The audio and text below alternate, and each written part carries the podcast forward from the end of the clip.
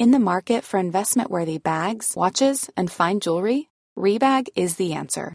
Rebag is a luxury resale platform where each piece is carefully inspected by experts to ensure quality and authenticity. Use Rebag to buy and sell finds from the world's top brands, including Louis Vuitton, Chanel, and Cartier. Head to Rebag.com and get up to 15% off your first purchase as a member with code REBAGNEW. Shop today at Rebag.com. That's R E B A G.com. And use promo code REBAGNEW for up to 15% off your first purchase as a member. There's never been a faster or easier way to start your weight loss journey than with PlushCare. PlushCare accepts most insurance plans and gives you online access to board-certified physicians who can prescribe FDA-approved weight loss medications like Wigovi and Zepbound for those who qualify. Take charge of your health and speak with a board-certified physician about a weight loss plan that's right for you. Get started today at plushcare.com slash weight loss. That's plushcare.com slash weight loss. plushcare.com slash weight loss.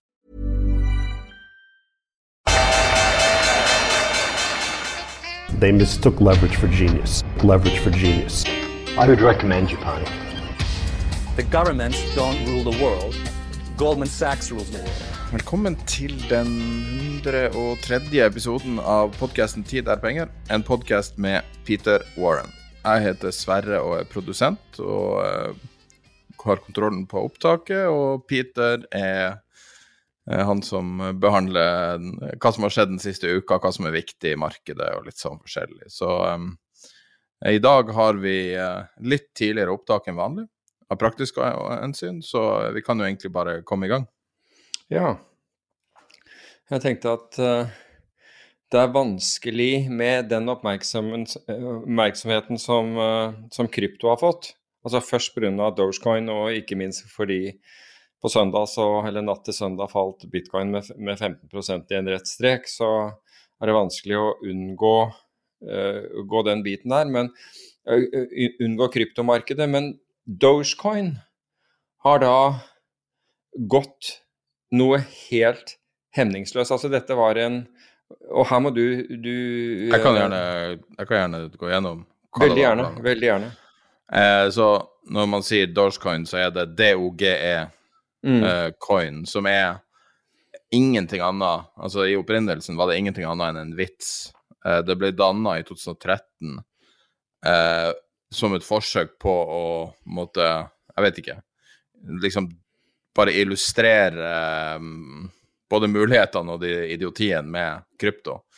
Uh, jeg vet ikke om de har sagt akkurat hva som var deres motiv, men, men det at de brukte da, det som da var en, liksom en sånn internettvits, som var en sånn Shibu Inu-hund, som symbol og navn og alt, så ble det her på en måte eh, den morsomme, tullete, helt ikke funksjonelle, funksjonelle Jeg vet ikke om noen krypto egentlig er så funksjonell, men den, had, altså, den var tilgjengelig på veldig få plattformer, og eh, det var veldig store mengder man, når man mina det som ble produsert, og alle glemte av det. Og, og når det starta, så var det priser. altså De få som ble omsatt, ble omsatt for en tusendedel cent.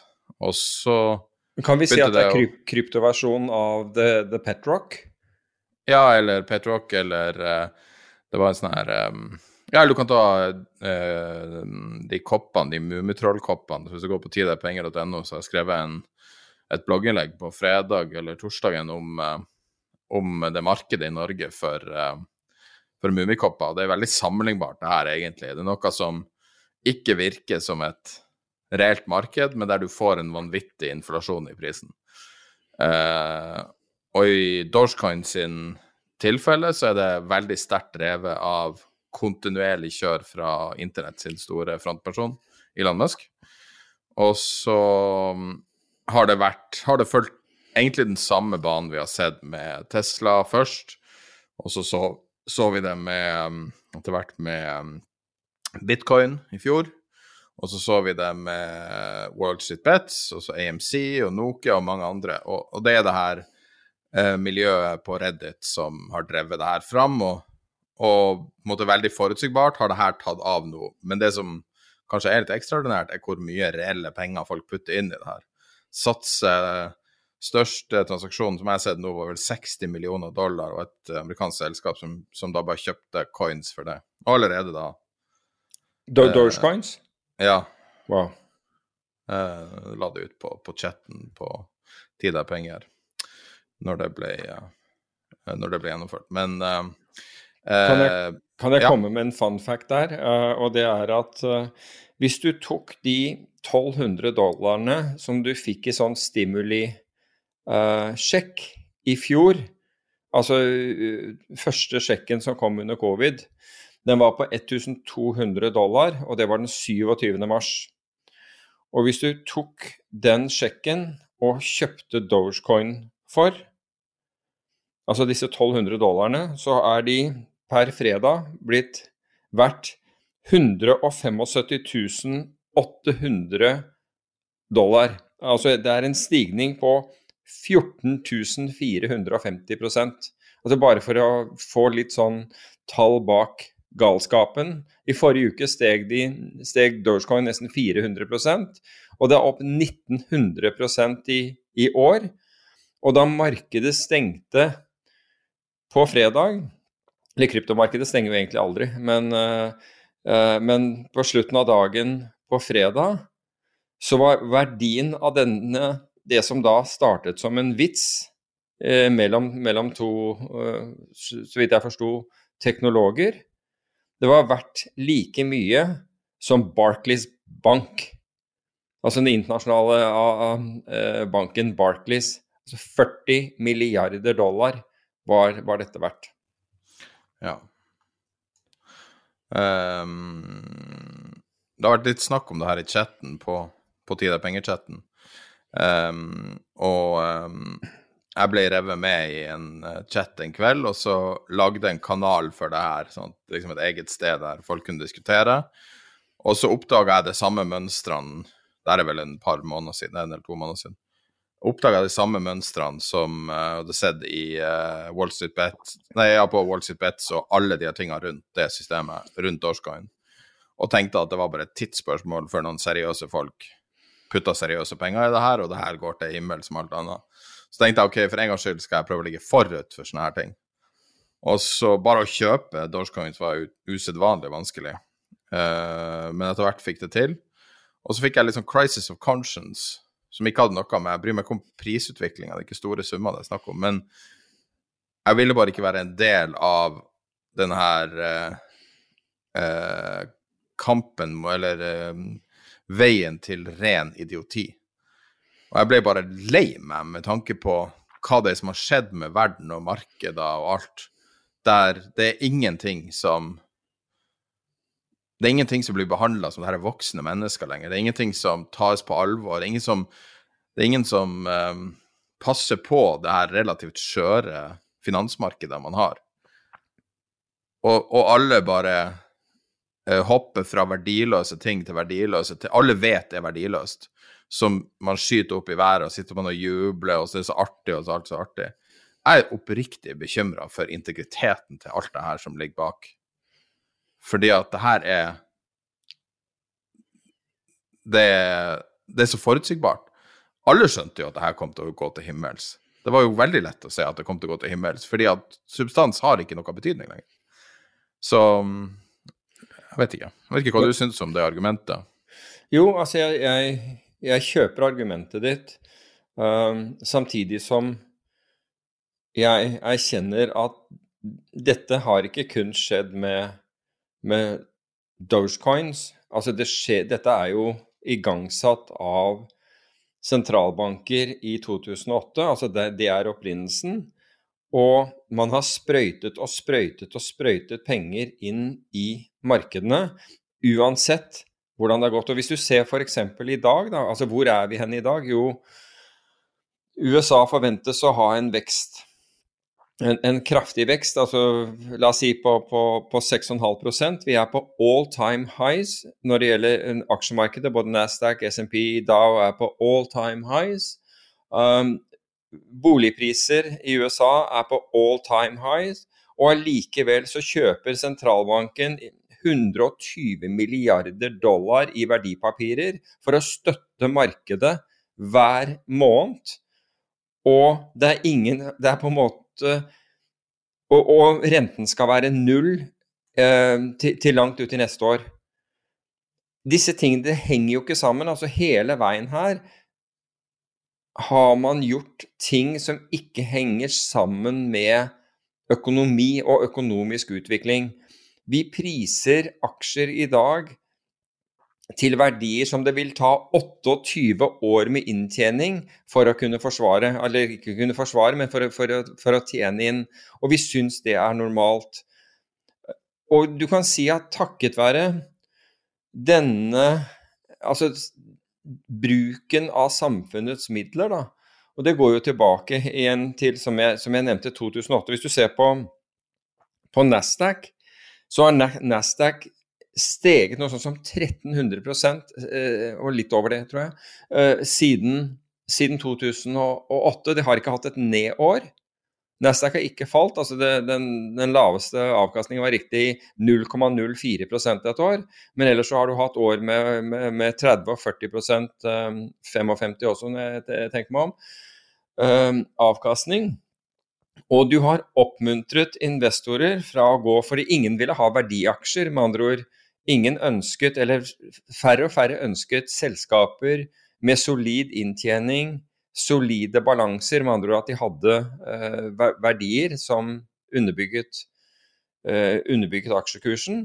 Og i stedet så skulle man ha vekstaksjer, og det var da selskaper som kunne få verdier i, i, i fremtiden, som bare satset på, på, vekst, og som da ikke hadde inntjening i dag. Så gikk man et skritt lenger, og hvis du tenker på Vi har snakket om Cathy Wood og, dette ARK-fondet som, som, steg over 100% i fjor, som altså, som går for innovasjon. Så det er enda lenger ut på, på risikoskalaen. Og vi har Alle drar altså Du kan si at hvis du var en, en fornuftig forvalter, da, for som eller fornuftig. Du var en forvalter som brukte argumentet at de eneste selskapene vi investerer i, det er selskaper med solid inntjening, god balanse. Ja, det, aksepterer det aksepterer investorene i et antall år, men så ser du at de blir liggende bak fordi teknologiselskaper og innovasjonsselskaper de stiger og de stiger og de stiger. Og til slutt så føler du deg som idioten fordi du sitter med disse, disse selskapene. Alle, alle de som de som tar risiko, det du trodde var risiko, viser seg å ikke være risiko, fordi det skjer jo aldri noe. Det, det bare fortsetter å, å, å, å, stige. Og det gjør at den forvalteren vil, vil, plutselig oppdage at pengene flyttes, selv om det, det er det de alltid har gjort, og det er, det er, på en måte det de har markedsført seg på, så er ikke det plutselig lenger populært. Fordi man oppfatter ikke at det er noe risiko forbundet med å ta mer risiko. Fordi sentralbankene kommer inn, og de vil, vil hjelpe deg. Og så, og så, klatrer man lenger og lenger utover på risikoskalaen. Du kan si at det du står på, blir tynnere og tynnere, og det blir lenger og lenger ned. Men vi er, hele, vi er alle helt overbevist om at risiko ikke finnes, og det, det, det merker du når du Forlatelse igjen. Uh, når, du, når, du, diskuterer med folk, så viser de til at sentralbank altså det, Som største selvfølge så skal de øvrige skattebetalerne komme inn og redde deg hvis noe går galt. Og sånn, du kan si at, og sånn har vi for så vidt til en viss grad behandlet i, i koronakrisen. Folk som hadde penger, slapp, altså de, kunne be, de kunne be myndighetene om hjelp, ikke, uten at de måtte bruke sine egne penger. Det var skattebetalerne som skulle hjelpe dem. Men det interessante der også, bare for en digresjon, da, er at eh, eh, dårlig oppførsel blir belønna igjen og igjen. Så ja. hvis man ikke strakk ut hånda med en gang de her koronatiltakene kom, og sa ja, gi meg penger, jeg må ha penger, hvis du ikke gjorde det med en gang, så fikk du ingenting. Hvis du faktisk prøvde å være næringsdrivende og komme deg gjennom det på egen hånd, så fikk du ikke hjelp seinere hvis du så at det her var helt umulig. Riktig. Eh, og fordi at alle de her tiltakene og så, så når Petter Stordalen stikker ut handa på dag én, to uker etter han har satt og jubla og sier at han syns konkurs er det beste som finnes, eh, så smaker det utrolig dårlig. Når man ser på alle bedriftene som prøvde på den normale måten å komme seg gjennom det siste året. Og så ser du samtidig den oppturen som har vært i SMP 500, som representerer liksom alle de store bedriftene som alle har fått ymse stimuli. Og den oppturen du har hatt fra bunnen uh, i mars i 2020 til nå, er den sterkeste ettårsoppturen, uh, den tredje sterkeste i historien. Ja. Og at man skal kunne få en sånn vanvittig berikelse når samfunnet helt objektivt sett har blitt mye, mye svakere, rent økonomisk i hvert fall. Ja, Det det, er klart det er, det er diskutabelt, men, men, siden, du, eh, altså, siden du nevnte Petter Stordalen her, så, så, kan, altså, så vil jeg også kunne ta det, den argumentasjonen fra den andre siden og si at at han øh, har da en svær bedrift og masse arbeidsplasser er i forbindelse med hotell og annet, og han, han fikk um, han fikk betalt, om du vil, for å være først. Altså for å være den som reagerte raskest i den krisen. Han ser hva som skjer, men han er den som faktisk gjør noe før andre. Og han klarer da Og du kan si at han har da Han har jo ikke et, et samfunnsansvar. Han har eh, Kanskje han føler at han har det også, det vet jeg ikke. men Nå skal jeg ikke si for han, men poenget mitt er at han er lojal til sin egen bedrift, sine egne, eh, sine egne ansatte, og reagerer før andre på det. Um, så du kan si at du kan Det er to måter å se det på. Du kan si at det er udemokratisk, men samtidig gjør han ikke noe som er ulovlig. Han er bare den raskeste der ute. Han og noen få andre er superraske. Og, få, og så kan du si at ja, det Altså samfunnsmessig kanskje er det ikke den, den jevneste fordelingen, eller det vet vi at det ikke er. Men samtidig så Altså hvis, hvis du satt på hendene dine og ikke gjorde noe, så fikk du ikke heller. Akkurat som du påpekte. Altså, du ble ikke betalt. Og dette går tilbake til det vi snakker om helt fra starten her. Du blir ikke betalt for å forholde deg til risiko å være forsiktig og ta din del av Altså tenke på at jeg trenger så mye kapital i tilfelle noe går galt. Du blir ikke betalt for det. Samfunnet har ikke betalt deg for det siden 2008. Verken her eller, eller, andre steder. Enda verre andre steder kan man, kan, kan man argumentere. Men mens vi snakker om, om, akkurat det der med korona, så syns jeg det var Nå har jo den koronakommisjonen lagt frem resultatet sitt nylig. Og blant annet så hadde den forlangt at uh, SMS-er også skulle legges frem. Altså telefonlogger, SMS-er mellom, mellom arbeidsgiverforening og, og, og altså både LO og NHO, tar det som sikkert andre, andre foreninger, og, og, og, regjeringsmedlemmer. Greit nok, men hvorfor begrense seg til det? Det lurte jeg på. Altså med en gang, hvorfor hvor, Hadde det ikke vært interessant å se alle, alle all kommunikasjon som har dreid seg om hva, hva f.eks. hvis det var et PR-byrå som gjorde det? Hva hvis det var andre? Altså som, det er ikke alle som går, det er ikke alle som går gjennom, gjennom de, de riksdekkende organisasjoner. Og jeg, jeg må, altså nå skal ikke jeg bli konspirasjonsteoretiker her, men den, den avgrensningen der, istedenfor å avgrense det på tema, den skjønte jeg ikke helt. Den, den fikk meg til å lure. Hva, hvorfor gjorde du ikke det? Fordi det har jo vært i, i media at noen tok kontakt, og det var, var, var samtale gående. Det ville vært minst like interessant hvis du skal vurdere det hele, og hvordan regjeringen har, har Kvaliteten på regjeringens avgjørelser og håndtering hadde jo vært minst like aktuelt å, å, å tatt med slike ting. men det, det, var nå min reaksjon på det. Jeg skal ikke bli konspirasjonsteoretiker, som sagt. Nei, det er jo selvfølgelig litt sånn fristende å tro at det sitter folk i et mørkt rom og, uh, og planlegger hvordan de skal gjøre hverandre rik, men uh, litt visibilitet hadde sikkert ikke skada. Altså, jeg tenker hvis du først skal gjøre det, så gjør det ordentlig. Ja. Altså, ja. Gjør det da ordentlig, og dette var ting som var, var fremme i, i, i, media. Men hvis vi går tilbake igjen til, um, til Du nevnte aksjemarkedet og, og den, den kraftige stigningen, som da har medført at, at du har økt velstandsgapet voldsomt, fordi det er på en måte de rike som har blitt veldig mye rikere, og de andre har da enten slitt for å beholde jobbene sine eller, eller, eller opplevd at virksomhetene deres har gått nedenom og hjem, eller i hvert fall sliter voldsomt fordi det ikke har vært etterspørsel. Selvfølgelig, noen har klart å, å, å, å eller noen har vært heldige ved at deres bedrifter har faktisk blitt etterspurt, eller deres produkter har blitt etterspurt som, uh, som følge av det. Når det gjelder aksjemarkedet, så har jo, så har jo belåningen, altså, lån, altså, at man har lånt til aksjekjøp, den har steget i prosent omtrent like mye som markedet har steget. Og den er på absolutt all time high når det gjelder, gjelder USA. Bruker ikke det som regel å følge hverandre, Dag? Jo, det gjør det. Men, Fordi at men det nominelt blir større, liksom? jo, nominelt så, så, så, er det helt naturlig, men det, det, er nå på rekordhøyere i forhold til BNP og, vei, og andre verdsettelser. Ja. Og det bryr vi oss heller ikke om. Så du kan si at vi har på alle av disse metriksene, heter ikke det på norsk, eh, måleparameterne, ja. så har vi økt risikoen vår. Og vi har økt risikoen vår fordi vi er overbevist om at andre kommer til å stå der hvis, hvis, vi, eh, hvis dette går galt.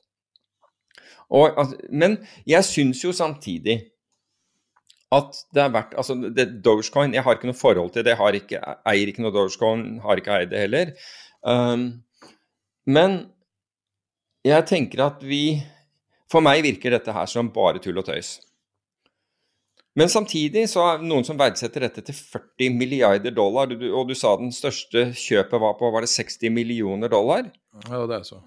Ja, ja øh, Jeg husker ikke hvem det var som gjorde det, men, men Og da tenker jeg at fins det et alternativ? Altså fins det en måte å falsifisere det på, med andre ord, istedenfor at jeg Altså jeg forfekter det jeg mener om det, sånn som jeg gjør nå så kan jeg også ta den andre siden og forsøke å se er det noe med Dogecoin i dette tilfellet som kunne forsvare dette. Er den Ja, go, go ahead. Nei, altså, svaret er jo at uh, det her er jo bare et klassisk tilfelle av keiserens nye klær. Fordi at du begynner å intellektualisere det nå, ikke sant. Og det er jo ja, det alle gjør. Nei, men det er jo det alle gjør. Man tar det plutselig på alvor. Og så så jeg det som jeg tror var tulloverskrifter, men som sikkert kunne ha blitt noe i framtida, at eh, folk vurderer å etablere Dogecoins Futures og sånne ting. Som mm. gjør det her tilgjengelig til profesjonelle investorer. Uh, men det her er jo altså Det er jo beviselig. Du trenger ikke noe falsifisering, eller du trenger ikke noe som helst. Det her er beviselig bare tull. Det her er noe som er laga med Altså, de, de, de, sier det er tull når de lager det. Altså, jeg vet ikke hvor, hvor, mye mer du kan eh, på en måte illustrere det enn det. Og likevel, så når alt kommer til alt, så, uh, så er det ingen som bryr seg om det er tull. Fordi at de vet at de siste par årene så har det vært en vanvittig tilfelle av hot potato i markedet. Hoppe fra, altså Så lenge du ikke blir sittende igjen med svarteper, så kan du tjene penger på det her vanvittig spekulative kjøret som, som er basert på ingenting. Som igjen er basert på eh, vanvittig trykking av penger over tolv års tid, sånn at ingen husker hvordan det er å tape penger. Ja, altså jeg, jeg kjøper jo det Altså ja og nei. Jeg syns jo ikke at vi ikke skal jeg syns ikke at vi skal la være å tenke gjennom det. Altså, Jeg prøver ikke til å intellektualisere det på annen måte enn Jeg, jeg hørte et foredrag eh, av, eh, av, eh, jeg mener Silvia Ceres, som ble holdt på Litteraturhuset her i det var søndag for en uke siden. Og hvor hun går gjennom må, Altså det viktige etter, etter hennes mening, og det, og, og det, hørtes ekstremt fornuftig ut, det var å eie dataene. Det å eie dataene, altså de dataene som blir brukt, være seg i en det som Tesla samler inn, eller andre samler inn, Facebook samler inn, hva som helst. Det å eie de dataene, det gir en enorm kunnskap, og kunnskap er makt. Ok? Så hvis du sier at slik, slik, at det gir et annet perspektiv på når, når vi ser på verdsettelsen av, av, selskaper og tenker på øh, den rene fortjenesten, altså den rene, vanlige økonomiske modellen, og, og se på fremtidig inntjening og neddiskontere den, den eh, cashflowen, og så finner vi en, ver en verdi på, på, på, selskapet basert på det og, og rentene i perioden osv. kan det da være et altså I hennes tilfelle så vil det jo være et Fordi ting skjer eksponentielt, så er de vanskeligere å, å verdsette. Men hvis du da verdsetter f.eks. dataene som blir samlet inn her samtidig, så er det på en måte en alternativ kilde til, til verdi. Og du kan, i dag kan du verdsette eh, dataen. Om du gjør det riktig eller ikke, det vet jeg ikke. Ja. Men er det altså det her er jo noe som du har snakka om før, altså med dotcom-tida, når du snakka om mm. om du kunne gå og kjøpe deg ting med klikk, eller hva det var for noe. Ja. Og i dette tilfellet så vil jeg si OK, amerikanske tiåringen over 2 alle de her tingene er i null. Mm. Det er motargumentet. Den virkelige verden, den som betaler husleia si, og den som tenker på ting fortsatt i henhold til jobber og lønn og de vanlige, normale økonomiske liksom, parametrene som er. Og, og, når alt kommer til alt, så er det den amerikanske tiåringen som styrer alt. Og det er bare et eh, ett hopp opp, ett én feilslått auksjon. Nå er vi jo midt inne i den treukersperioden med masse auksjoner. Mm. Og én auksjon som, som, går feil. Et eller annet. Vi er på veldig lav volatilitet nå. Uh, vi, har, vi, vi, er kanskje på hvis man skal måle markedet, man bruker jo bullish og bearish hvis man skal legge til et til parameter som er dumhet. Altså, jo dummere, jo dummere et verdipapir som får slippe til det, så er vi kanskje på all time high på dumhet når, når Dogecoin gikk til himmels. Da er det liksom OK, men da bryr vi oss ikke. Ingen bryr seg. Nei, altså, jeg, er ikke, jeg, er ikke, uenig med ditt standpunkt. Jeg bare forsøker å Altså, du kan kalle det intellektualisering, men jeg, jeg er villig til å altså, å forsøke å falsifisere, da, f.eks. Um, Dogecoin er jo da en egen kjede. Og kan det da være at fordi såpass mange går inn og kjøper Dogecoin, så kreerer man altså, rett og slett en community value av det. Den kjeden er verdt noe, og den om du vil, kulten som følger den, også er verdt noe mer enn bare tull. Altså, du kan utnytte den, altså du kan, om du vil følge Silvia Ceres og kalle det data, du kan utnytte dette til noe annet eller til noe mer. Det behøver ikke å være null. Altså, jeg nå, nå, forsøker jeg egentlig å være djevelens advokater. Jeg sier ja, ja, men jeg setter pris på det, også, og jeg tror lytterne setter pris på det. Uh, men hvis du scroller ned på regnearket på, uh, til rad 106, våre mm. uh, shownotes som vi tar notater i, så er det et chart jeg la inn nå fra som er kinesiske selskapsobligasjoner priser i dollar. Ja. renten har skutt opp i været de siste par dagene. Mm. Uh, det her er den ekte økonomien. Er, selv om det er Kina og, det, og, ting er manipulert, stort sett, så er det her den ekte økonomien.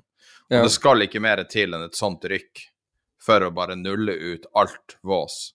Og du ser den der, eh, så den tunnelen de hadde bygd, det der The Boring Company til Elon Musk? Ja, jeg, jeg, ja. jeg hørte Eller jeg Altså, her, her, er det som ble lov, lovd, var eh, 500 km i timen i et vakuum. Der eh, man, man, kommer fra, fra, San Francisco til Los Angeles på, en, på, et kvarter. Og det du fikk Og det var, var selvkjørende? Ja, altså det var jo, vi var jo i et vakuum, hele greia. altså. Det, var ja, ja. det er ikke måte på hvor framtidsretta. Og det du fikk, var en tunnel, en enveiskjørt tunnel for 100 millioner dollar, der eh, biler kunne kjøre i 30 km i timen. Og var bemannet. Ikke sant. Så altså det her Går det an å illustrere bedre den her løfteøkonomien vi har nå, der liksom mm. storystocks er så viktig at substansen betyr ikke noe lenger? Nei, altså jeg, jeg, er ikke enig med deg. Eller jeg er ikke uenig med deg om dette. Jeg hadde også lest uh, om, uh, om, denne tunnelen som, som, er i Las Vegas, hvis jeg ikke tar helt feil. Um, og som jeg tror ingen av de som fikk være og det, Jeg forsto at det var journalister vesentlig, men som hadde vært med på det, det var vel ingen av de som, som kronet det der, eller kalte det der en, og en kjempesuksess etterpå, fordi de lurte jo hva, hva, hva, var det for noe, egentlig? Det var jo i hvert fall ikke det som var blitt uh, blitt, blitt forespeilet. Men du kan si at hvordan overlever overlever på en måte finansmarkedene Fordi det du ser, er jo at enkelte ting går, og så kollapser etterpå. Ta f.eks. uh, grønne aksjer, ikke sant, som da blir drevet voldsomt av fordi alle ønsker et grønt alibi, og det er veldig populært og det er veldig lett å selge. Og, og mange investorer ønsker det. så de, Der var, var det jo også slik at verdsett, verdsettelsene ble kjørt opp langt høyere enn en for andre selskaper. Man, men man var helt overbevist om at det ville komme noen bak. Altså, dette er tilbake igjen til momentum investing, som ikke er noe annet enn the even bigger fool uh, theory, forklart med, med, med, med to ord isteden. Um, at andre måtte gjøre akkurat det samme som dem, og så, og så kollapser det markedet. Men det, det, jeg, det jeg har opplevd, og det er antageligvis fordi vi lever i en sånn mye raskere tid, digital hverdag om du vil, og det er at, at rotasjon, altså når du ser noe dumpe ned, det betyr introduksjon. Så fort noe roterer ned, så fort noe kollapser, så virker det som meglerhus og andre har noe annet de introduserer umiddelbart. Så hvis laks faller, så kan jeg love deg at noe annet kommer opp, og hvis det faller, så er det noe annet som man står klar til å pushe ut uh, rett etterpå. Så, så, Og det er ikke slik og, og, på den måten så faller jo ikke markedene fordi noe annet roterer opp. Uh, når, når, noe faller, så stiger noe annet, og du får på en måte ikke det inntrykket av, av markedskrefter i det hele tatt, annet enn at det virker som markedet ikke er sårbart for noe som, noe som helst. I hvert fall slik tolker jeg det. Ja. Nei, det er jo lett å sitte og klage, det er jo lett å være sånn grinebitter. og uh, Sånn sett skulle, burde jo du være mer grinebitter enn meg, basert på alder, da. Men. Ja, men altså, jeg, jeg, Jo, men du kan si at Jeg prøver virkelig å ikke være negativ til det, og, men, men, det er Altså, det er noe med Det er så deprimerende at ingen tar det på alvor, tilsynelatende. Og det syns jeg tidvis er vanskelig å deale med, fordi at det er mer til livet enn fortjeneste. Det er mer enn prosentmessig oppgang. Fordi at hvis det var, hvis det var prosentmessig Ikke for de som lever av det? Jo, men hvis det ikke Ja, men, det, men hvis, hvis, det var bare maksimal oppside, så er det jo å vedde på eh, Så er det jo like gjerne å, å vedde på hvem som får første corneren i en fotballkamp, eller et eller annet sånt. Hvis man ikke bryr seg om kvalitet, så kan du jo like gjerne bare Da kan du jo begynne bare å importere narkotika, da. Altså Ja, men altså, Hvis du ikke bryr deg Ja, men, jo, men hvis, du, hvis du ikke bryr deg om Nei, men hvis du ikke bryr deg om, om uh, uh, kan man si, moralen i det. Jeg syns det, det, er definitivt noe som er moral i markedene. Jo, men ligningsvesenet bryr seg ikke om moralen din, egentlig. Altså, de, de bryr, eller ah, Den som skal betale regningen din, er jo ikke opptatt av moralen. Eller hvis moralen din er tilstrekkelig umoral, så ender du i fengsel, og da får du ikke betalt noe likevel. Ja, men, men hvis du ignorerer men, loven, da. Hvis du bare tenker på og, og, det er jo den der eh, Hva heter den filmen? Den der eh, der de sprenger Hvitehus. Uh, nei, nei, selvfølgelig var det Det var Jersey Park. Og der de, han sier at uh, they spent all their time thinking about if they could do it, and they should have been thinking if they should do it. Mm. Og det er en ganske bra måte å, å se på uh, Å se på hva som er rett og galt, syns jeg, da. Men men herregud, de, de, fleste virker jo ikke bry seg, og så lenge noe gilder, så lenge noe gir uh, avkastning, så er det ingen som, som bryr seg. Ja, det, det, det, tror jeg er riktig. Samtid, men samtidig så går Så kan vi diskutere om, om, verden faktisk Om det er fremover den går, men, men ting endrer seg. Og det forbauser meg egentlig at, at finansbransjen i Norge kan, ha, kan sitte og og på en måte lukke øynene for det som har skjedd innenfor, for, totalt innenfor, innenfor krypto. Nå, nå, snakker jeg egentlig om meglerhusene og, og, og, forvaltningsselskapene. Men her, apropos det, så, så ble jeg ved, ved, ved, vår forrige podkast så, så, etterlyste jeg det at noen hadde gjort noe med dette, dette i, i Norge. Det, og da var det en av lytterne våre som, som gjorde meg oppmerksom på at Sparebanken Øst Altså den, den, den, er, eh, den, er, eh, den har vel hovedkontor i Drammen, så vidt jeg vet. Den hadde faktisk den, var, den hadde investert tungt i, i, i Norwegian Blockchain, altså dette, dette uh, selskapet. uh, som holder til ute på, på, på Fornebu og la, har laget en, en kryptobørs og osv. Dette er spant du vel ut av, av, Norwegian, egentlig. Eller i hvert fall uh, Kjos-familien. Um, den investerte i den på, for mange år siden. Og, og, og, du kan si at det, det må jeg, Uansett så må jeg jo si at og spesielt fordi det var noen år siden, da var jo ikke dette her engang populært. Så, så, tok de på en måte en rolle og så en mulighet, og forhåpentligvis så, så, så kommer de godt ut, ut, av, ut, av, det. Så mens andre når, når, Nordea truet med å sparke ansatte som, som, som våget seg på å se på krypto,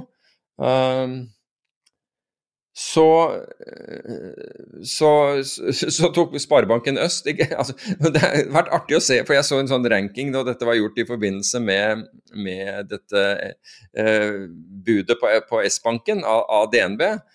Og da lå S-banken på topp, og så lå DNB og Nordea på bunn av, i, når det gjelder popularitet blant, blant, uh, blant kundene. Så folk som har, har vurdert dette Jeg skulle like å se hvor Sparebanken Øst var, men jeg er temmelig sikker Nordea, som er den som har ytret seg mest negativt, absolutt tatt de mest drakoniske eh, tiltakene mot, uh, mot, kryptovaluta, mot bitcoin. Uh, de er nede på bånn. Jeg tipper at Sparebanken Øst har da en høyere rating en, en betydelig høyere rating av, av dem. Men så, apropos det, rett etter at vi vi, vi, snakket om dette. Det gikk vel bare to dager, tror jeg, et, etterpå. Så er det da i DN så er da en av økonomene, det er mulig at hun er sjefsøkonom i, eh, i, i, Handelsbanken, ute og sier at hun har interessert seg for og skriver en artikkel om, om kryptovaluta. Hun hadde visst interessert seg for dette i, i flere år. Og dagen etter så er bitcoin nevnt i morgenrapporten til DNB. Så folk prøver det. Det er litt sånn Det er litt, litt artig eh, å, å, se Altså det er tydelig, tydelig, at det skjer noe her, da. Eh, i, i, det minste, og at noen er, er, på banen. Men jeg tenker jo også at hvis du Ta f.eks. for, tolv måneder siden Alle driver egentlig og sammenligner seg med, med, med, med Oslo Børs til, til enhver tid. men jeg er ikke sikker på hva tolvmånedersavkastningen det kan du kanskje se nå. Hva er tolvmånedersavkastningen til Oslo Børs? Altså ikke year to date, men tolvmånedersavkastningen, den burde vel ganske være bra nå i og med at uh, eh, 45 Ok, så, så, vi, altså, så, hvis du satt en, en, krone på Oslo Børs, så har du, du 1,45 igjen. ok? Det er bedre enn om du satte pengene i, i gull, for da vil du ha, vil du ha hatt 1,05. Altså, du har tjent 5 øre på det. SMP 500 hadde jo tjent bedre enn Oslo Børs, 1,48. Mens hadde du puttet pengene dine i, i, bitcoin, så hadde du gått åttegangeren. Og da, det er da jeg tenker, når, når jeg er en investor og jeg hører på rådgiverne mine, være seg i private formuesforvaltere eller bankens formuesforvaltere og alt mulig sånn, så har jeg stort sett blitt bedt om å putte pengene i, i, i aksjemarkedet, vil jeg, vil jeg anta. Med, med, unntak av de som ble skremt over i gull akkurat når, når aksjer var på bunn. Um, men jeg er, temmelig sikker, vært, jeg er temmelig sikker på at ingen av dem fikk beskjed om å putte f.eks. 1% av formuen sin i bitcoin. Eller i en tømmer-ETF. Hva sier du? Eller i en tømmer-ETF. Ja, eller i en tømmer-ETF som har gått, men, men poenget mitt 100%. er at Ja, som har gått 100, 100 men altså, igjen, bitcoin har gått åttegangeren. Uh, og jeg tenker jo da at på et eller annet tidspunkt så kommer faktisk investorene altså kundene deres til å lure på hvorfor, hvorfor gjorde du ikke det? Altså du som kan alt om investeringer og forstår alt om finansmarkeder, som da man tror gjerne at disse rådgiverne gjør. Hvorfor fikk jeg aldri høre om det? Det er jo det som har gått. Altså den dagen Steinar Grini, som er i Finansavisen, vurderer, folk, vurderer forvalterne i forhold til bitcoin istedenfor i forhold til Oslo Børs, da er det kjørt, altså da er det kjørt. For hvis du ikke klarer å holde følge med, med, med hans benchmark, så er, da, da, er liksom, da, er du kjørt. Så i det øyeblikket det I det øyeblikket man flytter den benchmarken, da øh, og, og, du kan si at er det sannsynlig at man, man gjør det? Ja, Det er i hvert fall ikke usannsynlig nettopp på den måten at man har flyttet benchmarken fra å være tradisjonelle aksjer med god inntjening og, og solide balanser, til teknologi, som var mye mer, altså øh, vekst som var mye mer risikabelt, til innovasjon som var enda mer risikabelt. Så hvorfor skulle vi ikke lande på dette, hvis ikke noe forferdelig skjer før, før liksom det, man får sjansen til det? Men hva, hva skjedde med uh, de nye millionærene i dotcom-krisa? Hva skjedde etter, etter dotcom med dem, og hva skjedde med folk som var en CDO-manager eller noe lignende etter uh, finanskrisa? Det er litt interessant, fordi at her var jo folk som surfa på noe som med enhver fornuft vil se ut som bare vås. Men i, i datida så var det, kunne man rasjonalisere det her med diverse nye metriker, og fortjeneste var ikke lenger viktig, osv., osv. Og, så og så gikk ble folk veldig, veldig rike fort, og så de aller fleste tapte jo stort sett alt. Noen få som Mark Cuban klarte å cashe ut akkurat på riktig tidspunkt, men de aller fleste tapte alt. Men hva, vet du hva som skjedde med folk uh, generelt som investerte i, i dotcom-tida, f.eks.? Nei, altså, det er vel sånn at altså, Hvis de var tungt inne der, så har du vel ikke hørt så veldig mye om dem siden. Det er det jeg eh, mener. At de uh, i, kommer i Norge, tilbake. Nei, altså det, det, er jo vanskelig å komme tilbake hvis du har, hvis du har tapt 90 av, av formuen din. Um, det er klart at hvis du er ung, så har du en mulighet. Men uh, igjen så var det de som skyldte mest penger, de ble jo reddet. Fordi bankene slo ikke altså de tenkte, fordi Istedenfor å ta tapene, så de som hadde den største belåningen, istedenfor å ta tapene, så fikk de sjansen til å tjene det inn igjen. Så banken mm. liksom kuttet ikke uh, bena av dem. Um, det skal jo bli interessant hvis det skjer igjen, fordi da er det nok mange som, som, som kommer på den, på, på den, listen hvor banken ikke har lyst til å, uh, lyst til å ta tapene. Apropos sånne kriser. En ting som uh, alltid dukker opp rundt krise, er jo store svindler. Og nå har vi fått uh, denne uka lagt uh, uh, siste, skrevet siste kapittel i historien om Bernie Madoff. Ja. Det overrasker meg om hvor mye folk som ikke har hørt om Bernie Madoff. Ja. Jeg, jeg vil si majoriteten har ikke hørt, vet ikke hva navnet betyr. Og selv folk i finans vet ikke det. Største Nei, det, det, er folk som har kommet til finans uh, etter, uh, etter, finanskrisen. Det, det, er nok riktig, selv om han ble jo, han ble jo dømt etter. Men eh, vi kan jo gjøre en sånn kjapp opp oppfriskning om, eh, om, Bernie Madoff. Altså, jeg hørte om Bernie Madoff veldig tidlig i finans, og han var eh, nærmest som en amerikansk institusjon. Uh, han Husker du årstallet? Når jeg først hørte om han? Ja. Nei, det var Altså, det måtte ha vært på 80-tallet, ganske tidlig på 80-tallet. For de drev, altså Selskapet drev jo marketmaking, det var jo først og fremst det han, de, de drev med. Um, men han, han, ble jo han ble jo Hva heter det for noe? Uh, president, hva heter det? Altså på, på Nasdaq, altså han ble sjef for Jeg tror han var sjef. Styreleder eller sjef? Ja, altså, Altså det, var, det, var, helt på begynnelsen av 90-tallet. Da var han eh, to sammenhengende år. Og så mener jeg at, han var, at noen andre overtok et år, og så kom han tilbake en år etter. Jeg lurer på om det siste året han var, var, eh, var der, var i, var i 93. Men så begynte jo, altså i tillegg til denne marketmaker-virksomheten, som i de årene var veldig, eh, var veldig lukrative, alle som, som drev marketmaking gjorde det veldig bra, Eh, i de årene, for spreddene var vide, og, og, du hadde en helt annen informasjonstilgang og mindre konkurranse enn du har, har i dag, helt, helt opplagt. Eh, så begynte de også, så begynte Bernie Madoff et forvaltningsselskap. Og familien hans var jo Altså begge sønnene hans jobbet i, i, eh, i selskapet, den, den, delen av selskapet som drev med marketmaking. For øvrig så eh, Den bygningen i, på Manhattan som, eh, som Madoff lå i, het Lipstick eh, Building, for det er ganske spesiell arkitektur på den.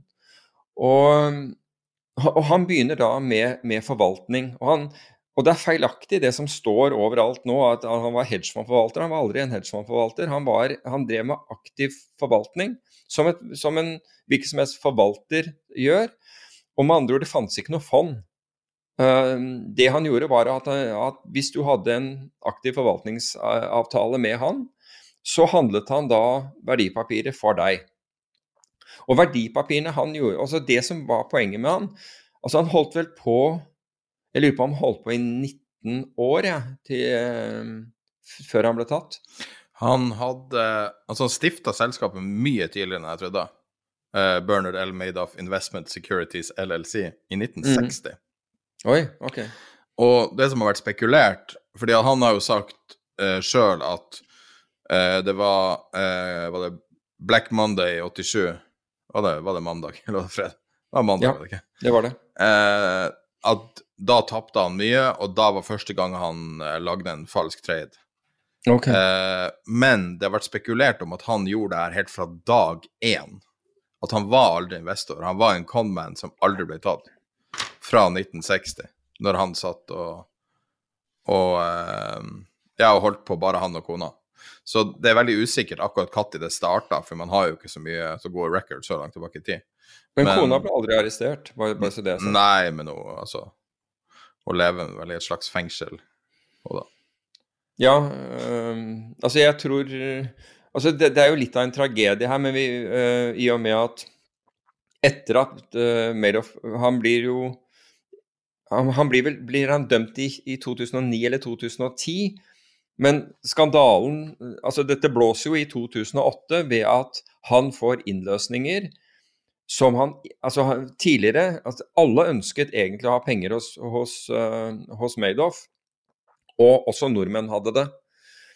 Og du hadde ikke penger Det som Altså, uh, hva, hva, skal jeg si Forbindelsen til hedgefond er at fond i fond hedgefond investerte penger hos Madoff, del av pengene sine. Altså fond som plasserer penger i andre fond, det er, kaller, det er definisjonen på et, et, fond i fond. Og det mest kjente av disse var noe som het Fairfield Century. Og jeg husker vi hadde folk fra Fairfield kom til Norge, og de, de traff sikkert alle forvalterne. Eh, I hvert fall de forvalterne som plasserte penger i annet enn kun, kun, kun aksjefond.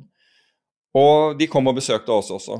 Og, og det, det, så jo Altså, jeg, jeg kjente jo til og det, jeg kjente jo til Madoff, og resultatene altså Det var jo ikke det at han at han liksom slo ballen helt ut av parken hvert år. Ikke i det hele tatt. Altså, han Jeg tror at Altså, det så jo ut som det steg, det, det steg, med samme takt hele tiden, og det er det du skal være, være, oppmerksom på. og Det har man jo da lært etterpå, er riktig.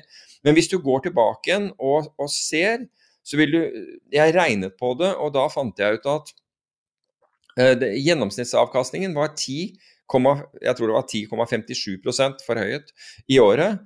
Uh, det hadde vært, det, men det var omtrent det samme hvert eneste år. Og Eh, de kom og presenterte dette her, og, og jeg lurte på hvordan, eh, hvordan skapte man For det, er jo en av de tingene som du som både som for, forvalter andres penger må sette deg inn i og, og, forstå. Hvordan de klarte å generere penger på denne måten. Og da, de, da fortalte de i detalj hvordan de gjorde det. De gjorde no, noe som heter risk reversal, eller split strike conversions, uh, som vil si at du bruker opsjoner du kjøper en kjøpsopsjon som, som har uh, innløsningskurs over dagens kurs, og finansierer den med å utstede en salgsopsjon under dagens kurs. Og De gikk da gjennom dette her, og, og jeg sa at vi takket for, for møtet, og at vi skulle komme tilbake til dem. Og Jeg tenkte, jeg hadde vært så mye borti opsjoner selv, så jeg tenkte er det virkelig mulig å, å, å tjene Dette her virker jo fantastisk.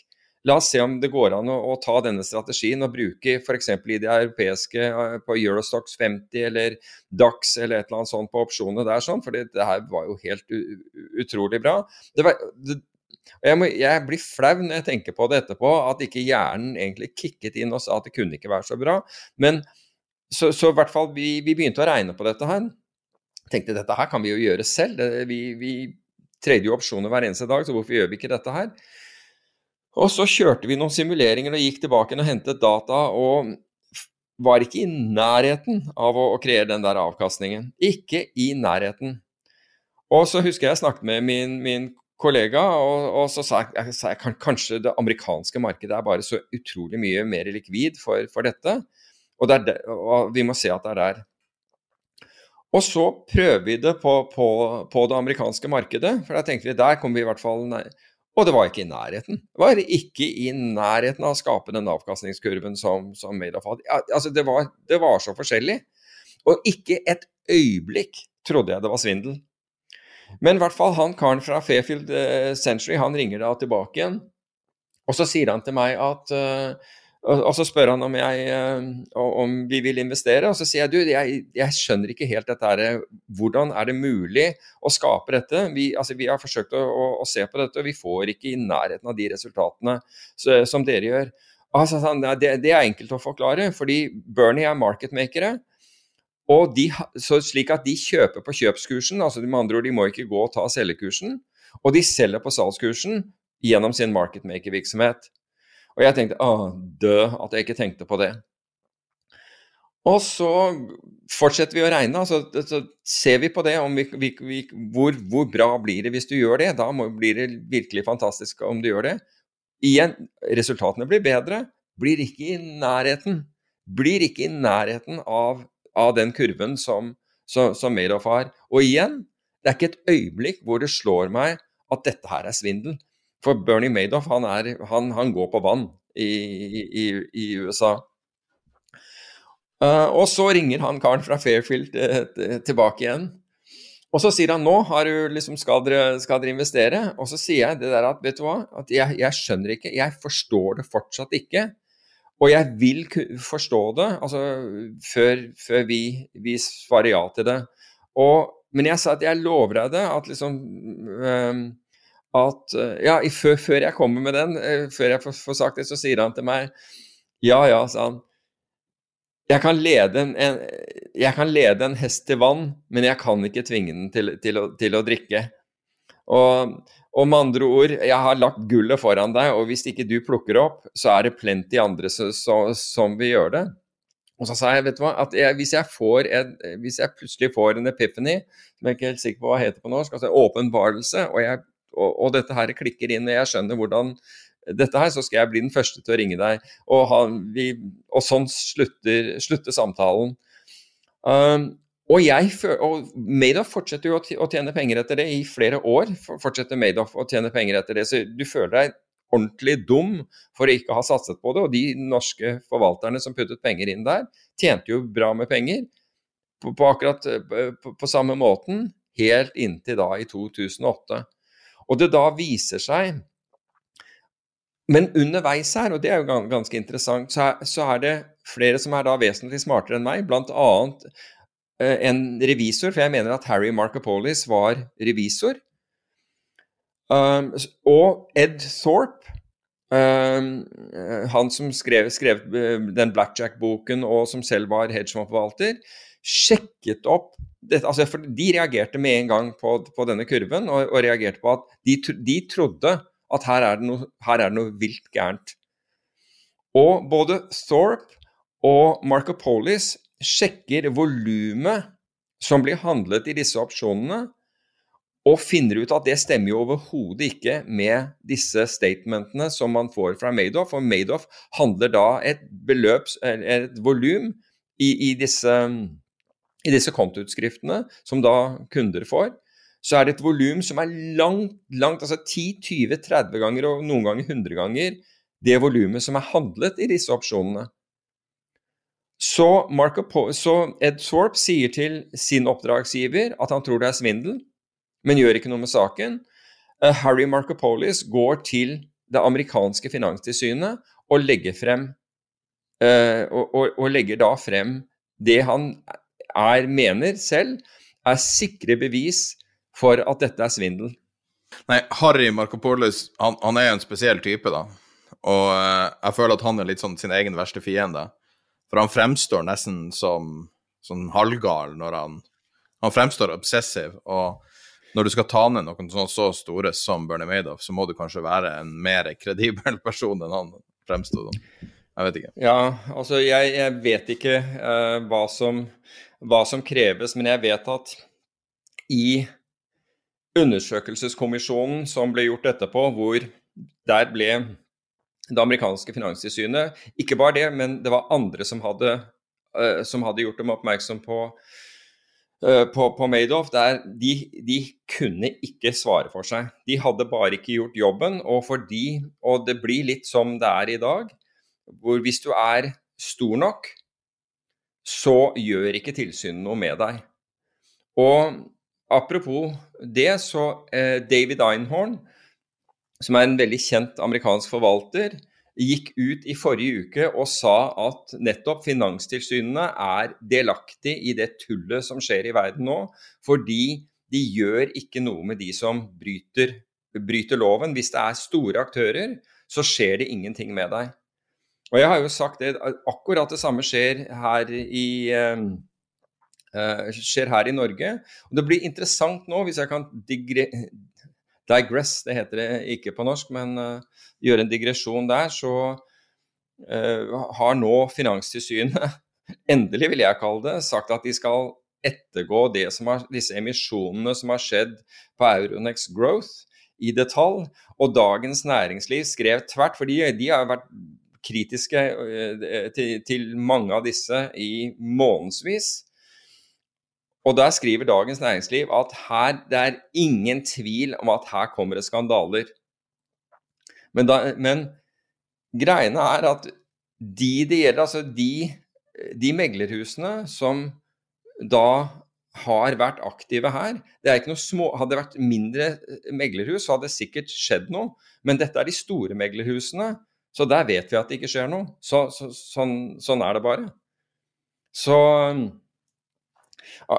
Apropos uh, det, så leste jeg en, uh, en, Det blir litt tangent, dette her, men um, Harvard Business Review hadde en, en veldig god artikkel om, om algoritmer, at al algoritmer inneholder også menneskelig svikt. Altså Det hjelper ikke bare å bruke altså Hvis du tror at du skal få, uh, få objektive resultater ved bruk av algoritmer, så får du ikke det. For, og årsaken til det er at det er mennesker som har laget algoritmene i utgangspunktet, slik at biasen til de menneskene, altså tendensen øh, og meningene til de menneskene, eksisterer allerede, eller eh, blir da overført til algoritmene.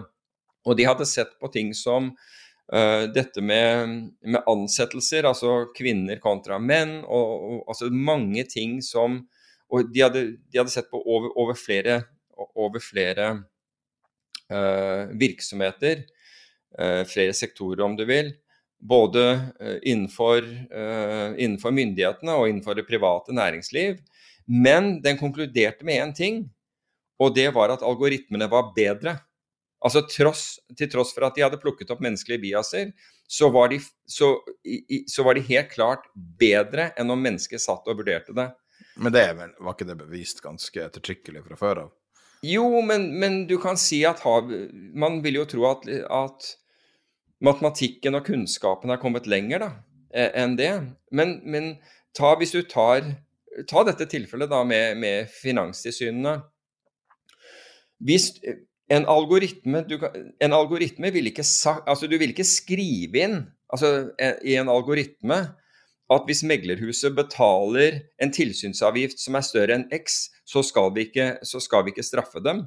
Med, da skal vi ikke eh, straffe dem alvorlig. Det ville jo aldri skrevet inn i, en, inn, i en, inn i en, algoritme. Det som algoritmen ville gjort, det var at den ville sett på lovverket, sett om det var brudd eller ikke, vurdert hvor alvorlig det bruddet var, og på basis av det så vil den defaulte til den straffen som det bruddet tilsa.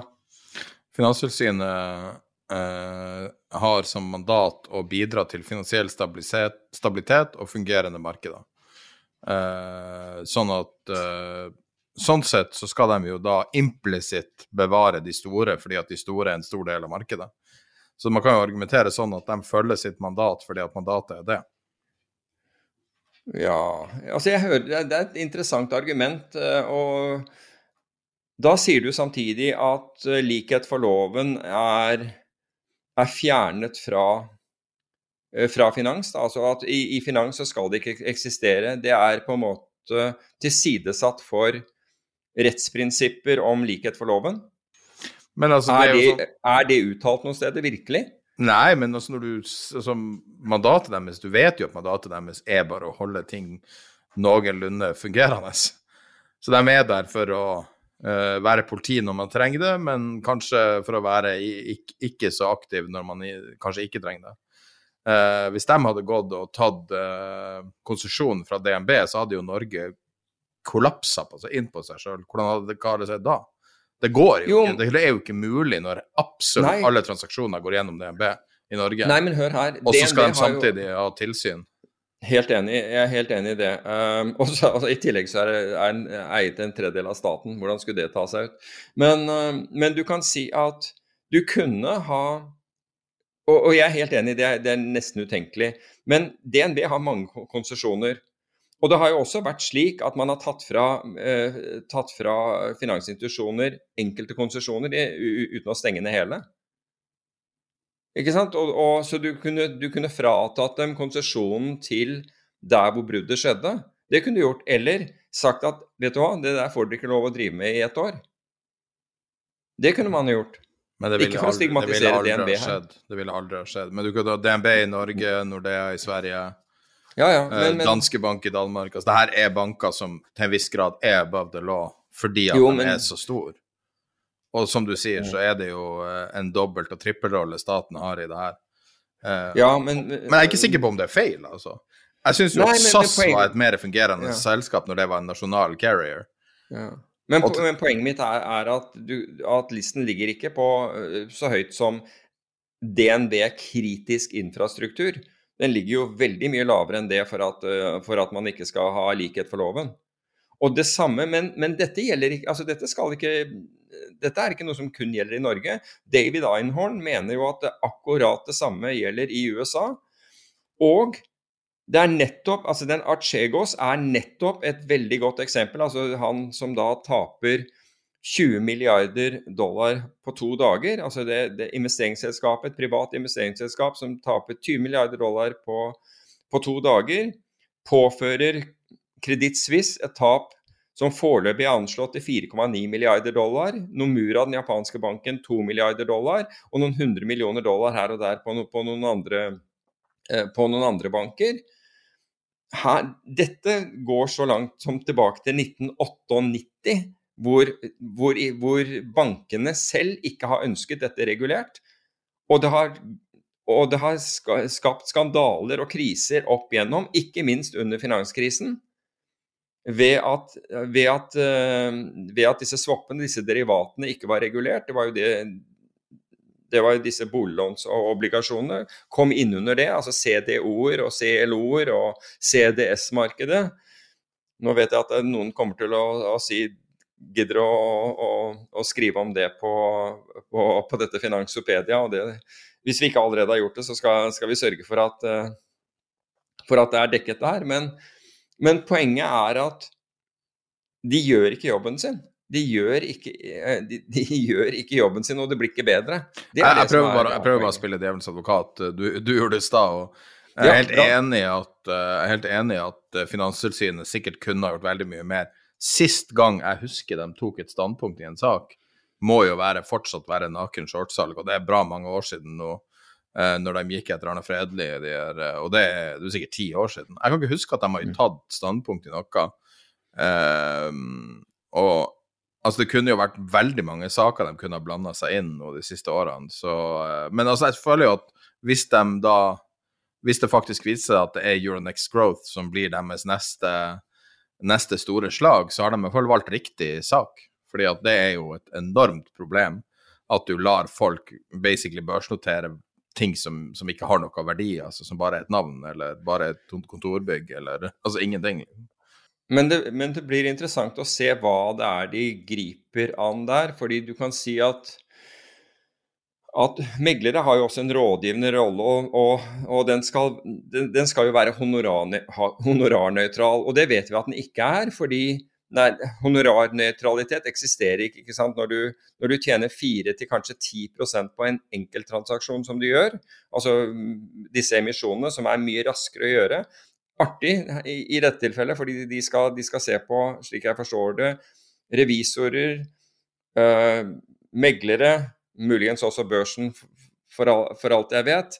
Men nå vet jeg at Finanstilsynet ikke styrer over advokater, men det er jo advokater her. De går jo klar av alt alltid. Jeg vet at ikke det er Finanstilsynets problem, men rådgivning fra advokater, den blir aldri Det er, det er aldri noen som, som, ser på at har de gjort en, en, en, en, riktig jobb her og en fair jobb. Men tilbake til, til dette med meglerne.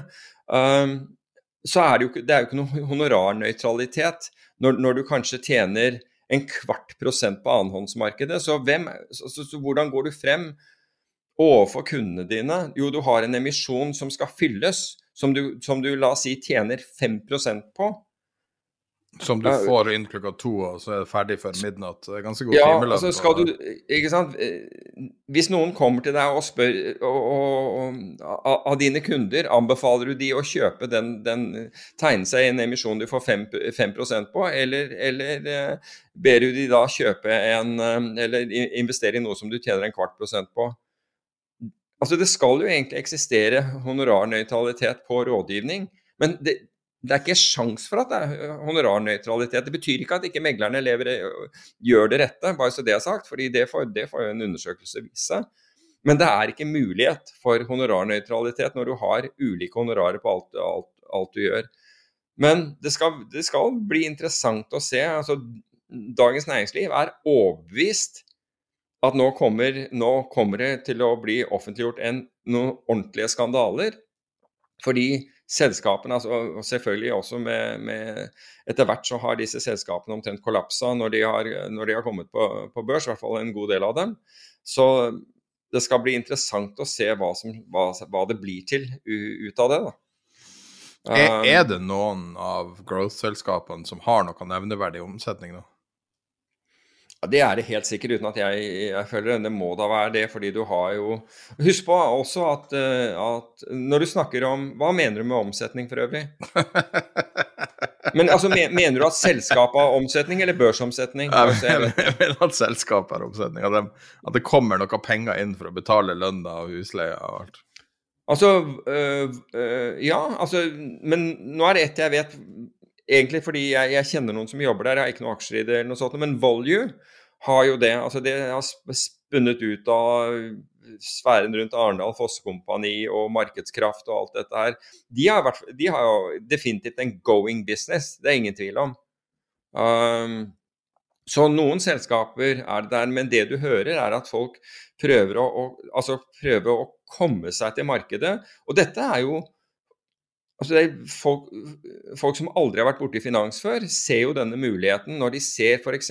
hvor mye ESG, eller hvis du kan kalle det det ene eller det andre, blir, blir, priset. Jeg skjønner, det er jo helt naturlig at det tiltrekker bedrifter som mener at de har noe å tilby innenfor den sektoren, f.eks. Og når de da ser multiplene og prisingen der, så er det jo helt naturlig at du prøver å komme til markedet for det. Så noe av dette er jo en helt naturlig sykkel, eh, syklus.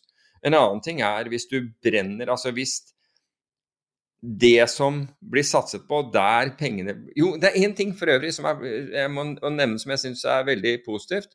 Og det er at nå er disse øh, lokkeduene som, som, øh, som, så fint kalles hjørnesteinsinvestorer, nå har de faktisk blitt hjørnesteinsinvestorer. Har du sett det?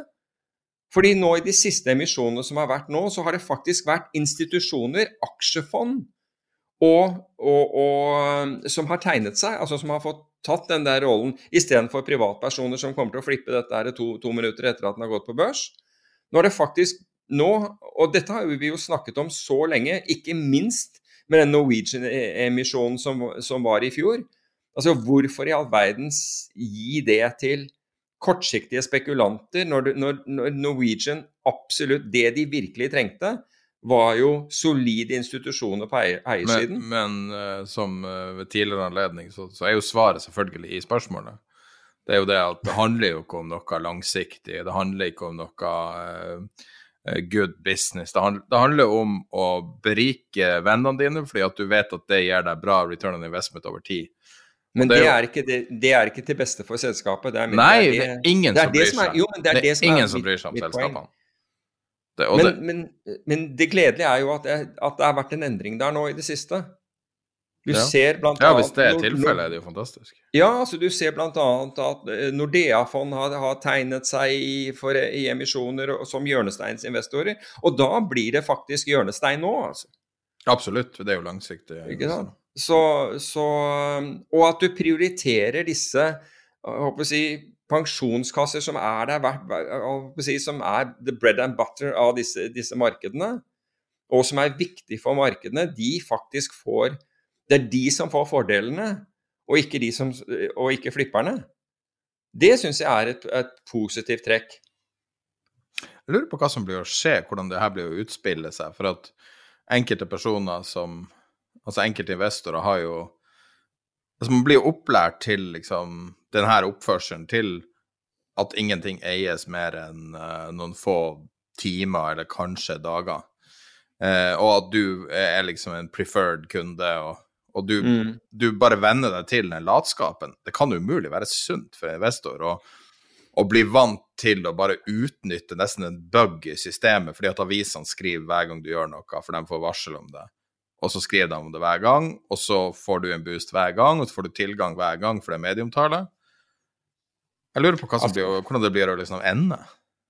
Nei, jeg, vet ikke, men, men det er ingen Altså, jeg, forst, jeg forstår de investorene som får mulighetene til å, å nærmest få gratis penger, at de gjør det. Det er ingen forkleinelse for dem. For det, altså, de, de, gjør, altså, de forsøker å få en så høy avkastning de kan på, på pengene sine, og her blir de gitt dette på et fat. Det er klart du tar Det det. er greit å gjøre det, men det er ikke lov å skryte av det etterpå. Nei, det Ja. Nei, Bragging, jeg- bragging over winning a throne fight. Det du, du, får ikke, det er ikke lov. du, du skal ikke ha the bragging rights. Jeg syns det. Det Samme som hvis du har tatt eh, hundrevis av millioner i subsidier under korona fordi at du var ikke klar for det. Så, så det er greit du kan ta pengene, men du kan ikke sitte og fortelle om livsstilen din, eller eh, skryte av hvor flink du er, eller eh, gjøre investeringer på en stund. Du må sitte litt rolig. Nei, Er ikke det et et greit altså, jeg- eh, kompromiss? Jo. Jo, det er det. Bare hold Men, kjeft hvis du, hvis du får masse gratis, og du får masse snarveier og sånn. Da kan du gjøre hva du vil.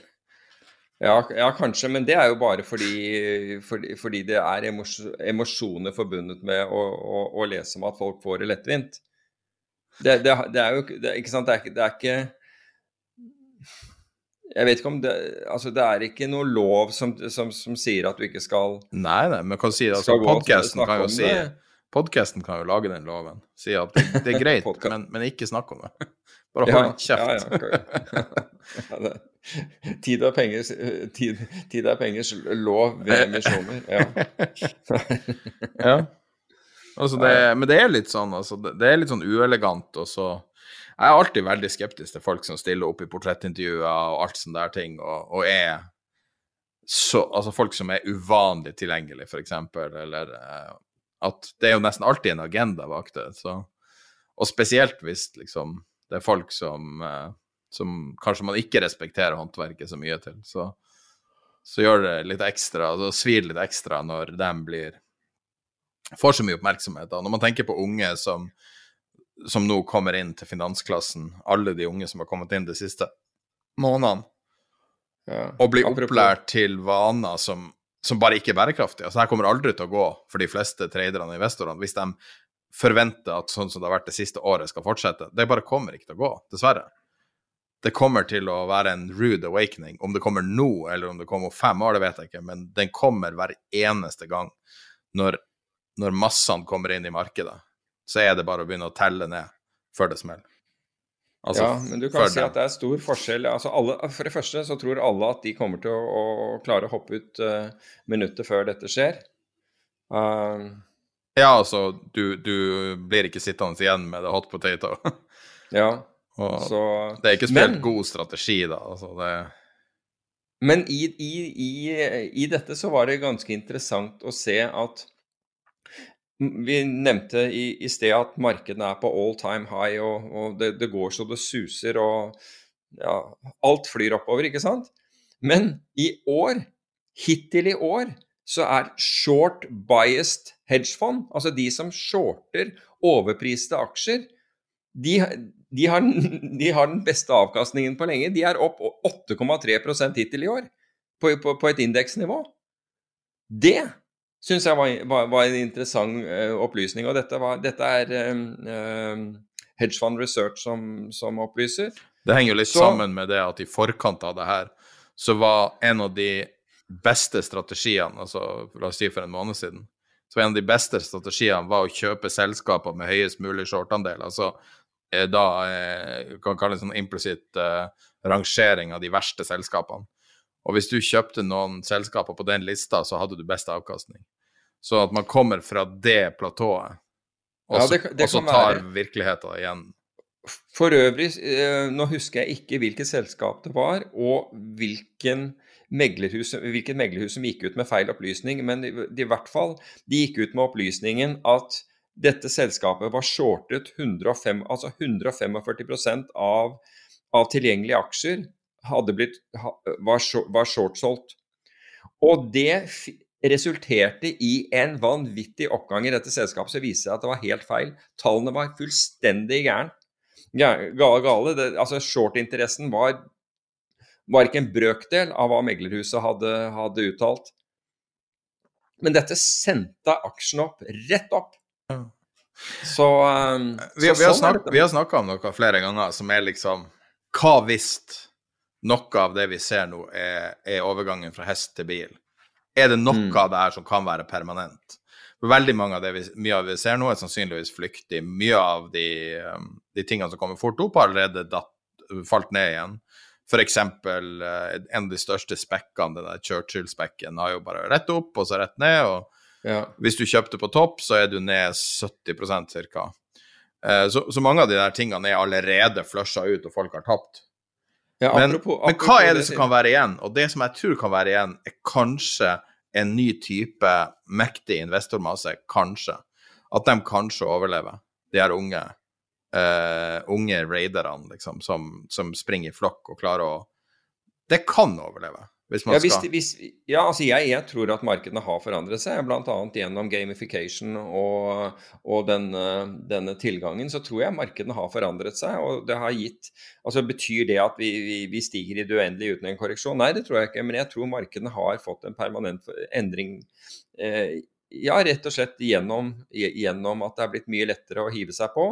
Og at de mest fremoverlente meglerselskapene har klart å lage en infrastruktur, altså med andre en webløsning eller hva som helst som du bruker, som er mye enklere og som nærmer seg altså gaming og, og, og den type ting, det gjør at det er lettere for folk. altså Det engasjerer mer enn enn den, den, kjedelige Bloombergen du har, for, for, for, å si det på den måten, og, den, vanlige, den vanlige handelsterminalen.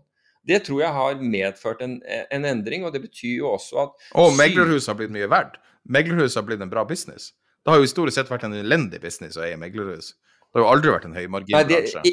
Ja, ikke hvis du jobbet der. Så har det, altså Hvis du eide og jobbet, så har det vært en bra business, men for, for andre investorer så har det ikke vært det, fordi eh, Helt til Robin Hood. Helt til relativt nylig, ja. Og helt fordi, til eh, Coinbase. 100 ja. milliarder dollar. Ja.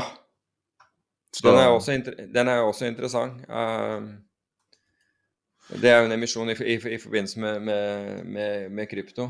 Nå, jeg, nå, nå, må jeg disclose at jeg var da Jeg tror jeg var. Uh, jeg kan godt hende at jeg fortsatt er implisitt uh, aksjonær gjennom et venturefond som, som var veldig tidlig inne i, inn i, Coinbase.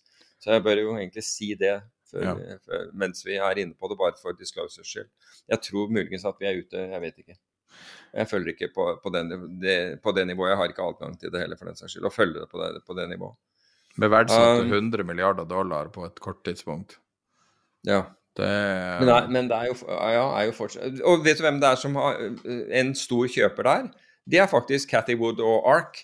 Selvfølgelig. Hun, Ja, men hun, hun, har, hun har, og det verste er at hun har switchet mellom Tesla-aksjer, som fortsatt eier, er storeier av Tesla, men hun har solgt Tesla og kjøpt uh, Coinbase. Jeg lurer på hvor stor driver ARK egentlig er for bevegelser, siden de er en så stor både nettoselger og nettokjøper, litt avhengig av markedet. Om, om de er blitt så store nå, for de er blitt ganske store, og om de er blitt så store at de faktisk er mer the tail that the dog enn noe annet. Sånn at små bevegelser blir vesentlig større fordi at de må flytte seg så fort. For du vet at ARK er med, med på det? Ja, det kan, kan godt hende, jeg vet ikke. For Hvis du ser på Altså, de har jo eh, på en måte mer og mer konsentrerte eh, papirer de eier, og, og det er jo utrolig mm. mange som har fokus på dem. De publiserer jo eh, utvalgte trader hver dag og sånn, og, og det fokuseres mye på dem fordi de er blitt så store. Ok. Jeg var ikke klar over at de publiserte trader. Det er, altså, ja, de legger ut hver dag. Men ikke er, alle, så det er litt sånn rart.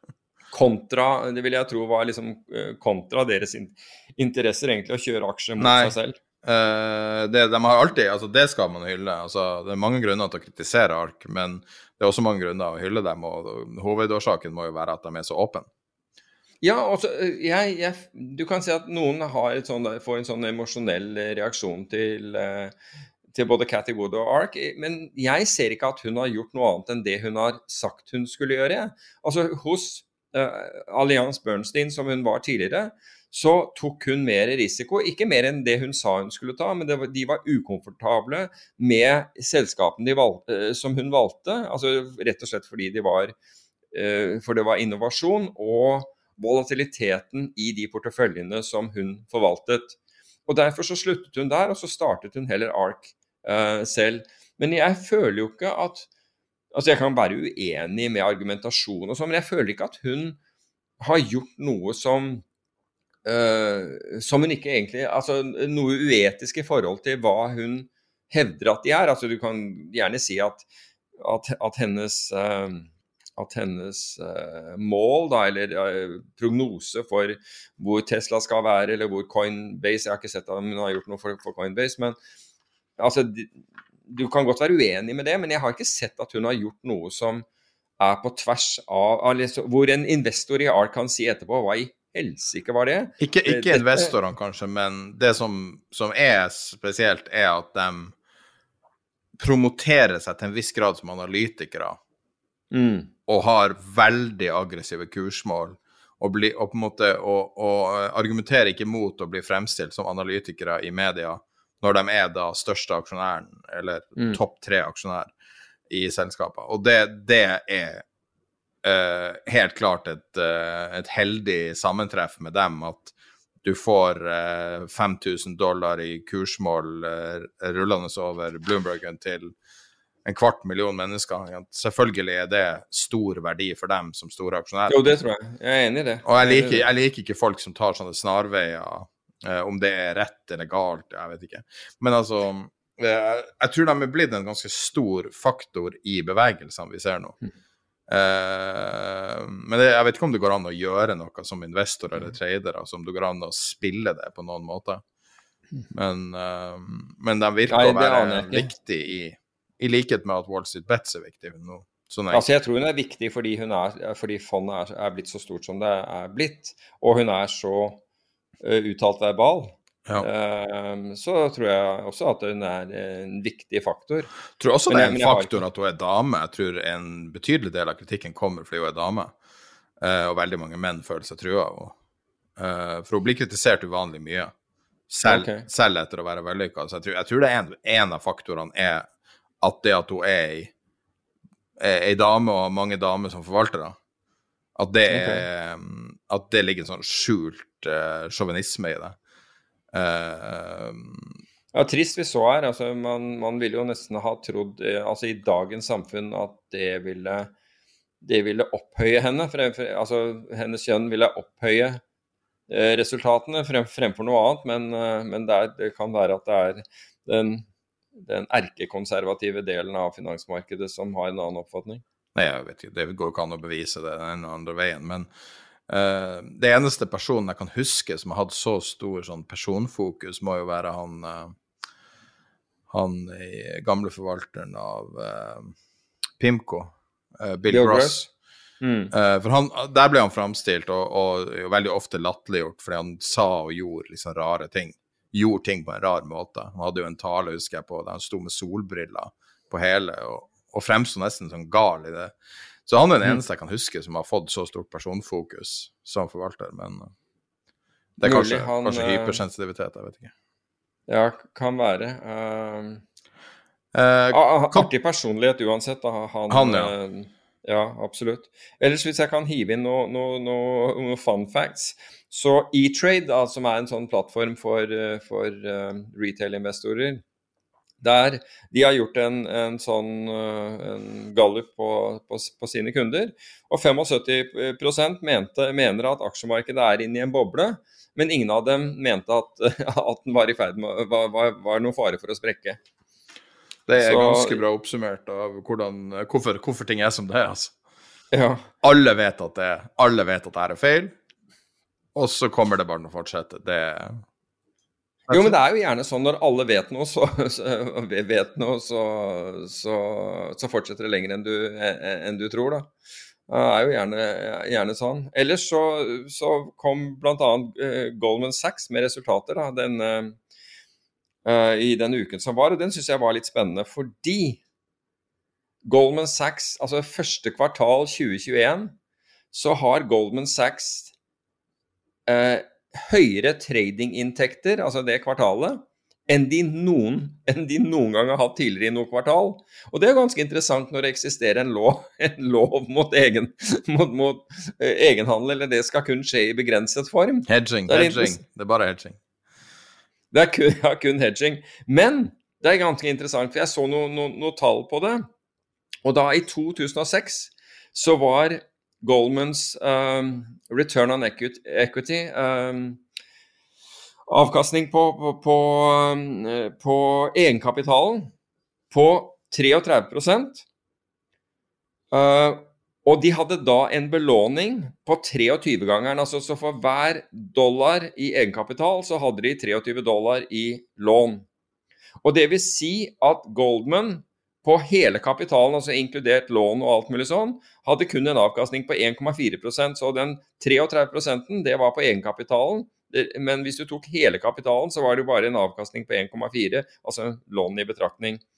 I 2021, da, nå så er eh, avkastningen på egenkapitalen 31% men med, med kun tre, 13 ganger giring. Det er fortsatt en brukbar giring Kun- selskapet. Kun 13 ganger. giring.